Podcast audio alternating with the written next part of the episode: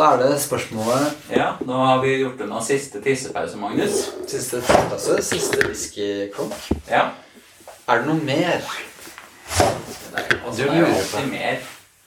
Men eh, jeg vet ikke om det er måte noe mer jeg har på sånn stående fot. Jeg har helt sikkert noen punkter igjen på masteroppgaven din som jeg har på notatblokka der. Ja, Har du noen raske punkter, eller så kan du ta det? Jeg tror ikke jeg har noen raske punkter, men jeg har helt sikkert noen punkter. Jeg har noen skarpe minutter igjen, så Ja. hvis du har noen på si, så du, har, du har tatt med i beregning at jeg skal ha kontaktinformasjon på, på mer av entorasjet ditt jeg skal ha kontakt med. Ja, ja, ja. Og det skal jeg innrømme.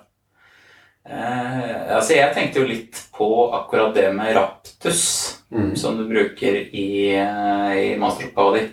Hva legger du i det? Ikke godt å si. Eh, som en sånn der følelse av at alt du gjør kroppslig og konseptuelt, liksom smelter sammen i en veldig intens Et intenst nærvær som oppleves som meningsfullt, og så bare gjør man det Ja, helt til eh, man ikke orker mer.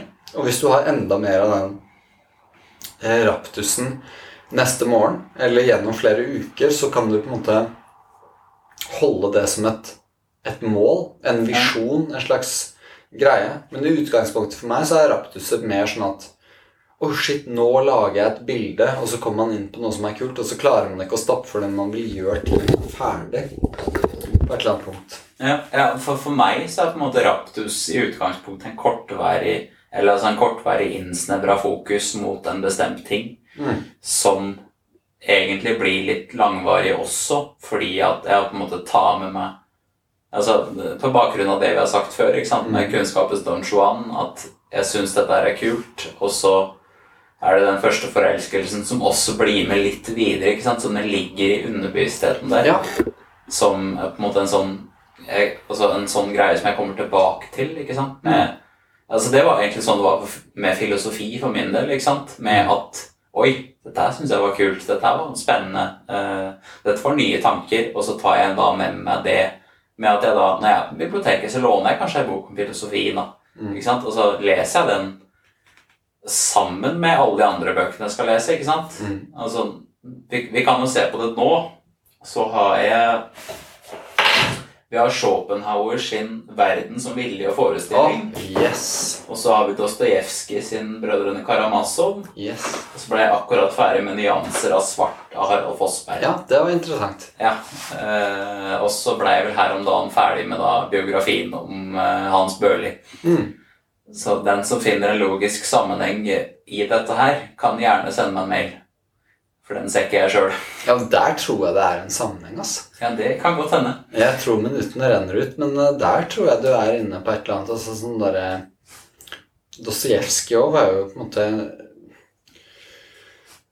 Igjen blir liksom platt, da, men også kjent for liksom derre hva skal man si, pessimistisk, eksistensiell stil. Bedre Ja. å si eksistensiell stil. Undersøker det grunnleggende Ja. spørsmålet hvordan Ja, det er jeg å har være. inntrykk av at han på en måte også på en måte tatt det på alvor, det med å la van, kall det vanlige folk ha sitt syn på det å være menneske, Mm. og på en måte fremme faktisk de filosofiske synspunktene på hva et menneske i kraft av å være menneske tenker om det å være menneske. Det var litt sånn som jeg snakka med Knut Hamsun tidligere, det å liksom sette seg inn i de andre perspektivene. Ja, At uh, Dostojevskij også gjorde det på en formidabel måte med et stort filosofisk tilsnitt. da. mm.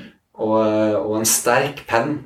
Ja. Og det er vel kanskje en av grunnene i hvert fall til at han har lest Ja. så mye. Og blitt en del av kanoen, kan man Ja. si, litterært. Ja. Og det er jo ikke hvem som helst. Nei, som nei, det er ikke det. Og det, altså, han skriver godt. Det, det skal han ha. Mm.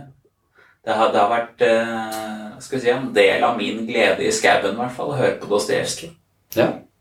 Ja, Nemlig så du går i skogen og hogger noen trær og hører på Dostojevskij. Ja, det, det er da føler jeg at jeg lurer systemet, ikke sant? For det tar jeg, hvis du skal ta klasseperspektiv igjen, ikke sant? så tar jeg på en måte overklassens litteratur samtidig som jeg gjør arbeiderklassens arbeid i skauen. Ja, men det er nydelig. Det er sånn det skal være, er det ikke det? Ja, jeg tenker på en måte det er en del av noe vakkert, og på en måte en del av det Kall det det positive med det moderne samfunn, med internett. At jeg kan måte ta med meg måte overklassens kunnskap samtidig som jeg gjør arbeiderklassens arbeid. Ja, og det er den desentraliseringen da. Altså, nå kan ha ute på traktoren og høre på liksom eh, podkast og alt mulig sånn. Så Ja. du ha da eh, Som burde være Og nå kommer jeg, da, med min liksom personlige filosofi som jeg har Ja, tenkt ja, på. men Liksom, den, er- den er godkjent her. At eh, kropp og sjel burde være én og samme ting. Ja. Eh, eller enda sånn hardere statement er samme Ja. ting. Men eh, også holdt på å si, hvis vi skal ta det kjempepersonlig, empirisk, kjempelite gyldig vitenskapelig, men for meg ekstremt gyldig, så er det på en måte nå eh, Når jeg studerte, så hadde jeg som regel, og, og på si militæret, og hele den perioden fram til nå, egentlig, så hadde jeg som regel Jeg sov dårlig mandag, og jeg sov dårlig tirsdag. Mm. Eh, nå er det på en måte mer enn jevntralt, hvor jeg på en måte kaller det hver tolvte dag eller noe sånt kanskje sover dårlig fordi det er et eller annet jeg gleder meg til. Mm. Eh, fordi at jeg da på en måte leser den type litteratur som jeg har beskrevet tidligere nå, altså en time til altså halvannen time til en time før sengetid, leser akkurat det. Og da på en måte kaller det gjøre det sjelelige arbeidet før jeg skal sove, og det kanskje gjør meg da sliten. Ja. Eller sjelelig sliten, kan man vel kalle det. Fordi at jeg er fysisk allerede relativt sliten, eller jeg har brukt min fysiske kropp. Jeg liker ikke å bruke ordet sliten, fordi at det på en måte har veldig mye negative assosiasjoner i Jo, min det har det. På et eller annet vis. Og på et eller annet, et eller annet tidspunkt jeg tenkt på min side, så blir man sliten. Ja. Som en permanent tilstand. Ja, ja, men jeg, Men eh, jeg, jeg, arbeid eh, koster kalorier, har Ja. man funnet ut. Det forbrenner mye. Ja. Så bare det å sitte og fordype seg da, i en eller annen sånn bok Ja. Har eh, virknings, en Nå- Nå, nå, virkningsflate. nå vil jeg ikke at jeg skal virke veldig intellektuell og sånn. Altså det er Som regel så klarer jeg ikke mer enn 20 minutter med filosofi før jeg da må gå over til kanskje Dostojevskij, som det er litt mindre sjelelig arbeid, så jeg klarer kanskje det i 20 minutter. Og Jo, men han har gjemt filosofien gjennom alle trakter innen, ikke sant? Så Ja. det ligger der. Og, ja, og da klarer jeg kanskje en halvtime, ikke sant? og så må jeg kanskje avslutte da med kvarter, 20 minutter så med noe sånn hjernedødt krim, krimroman eller noe sånt. Jo, jo, men ikke sant? Ja, man trenger ikke å nedvurdere. Jeg synes det handler om eh, med Dostojevskij som også eh, form og innhold, og hvordan Ja. det disponeres på et eller annet vis. Ikke sant? At vi alle har hver bare måter å tangere de filosofiske spørsmålene på.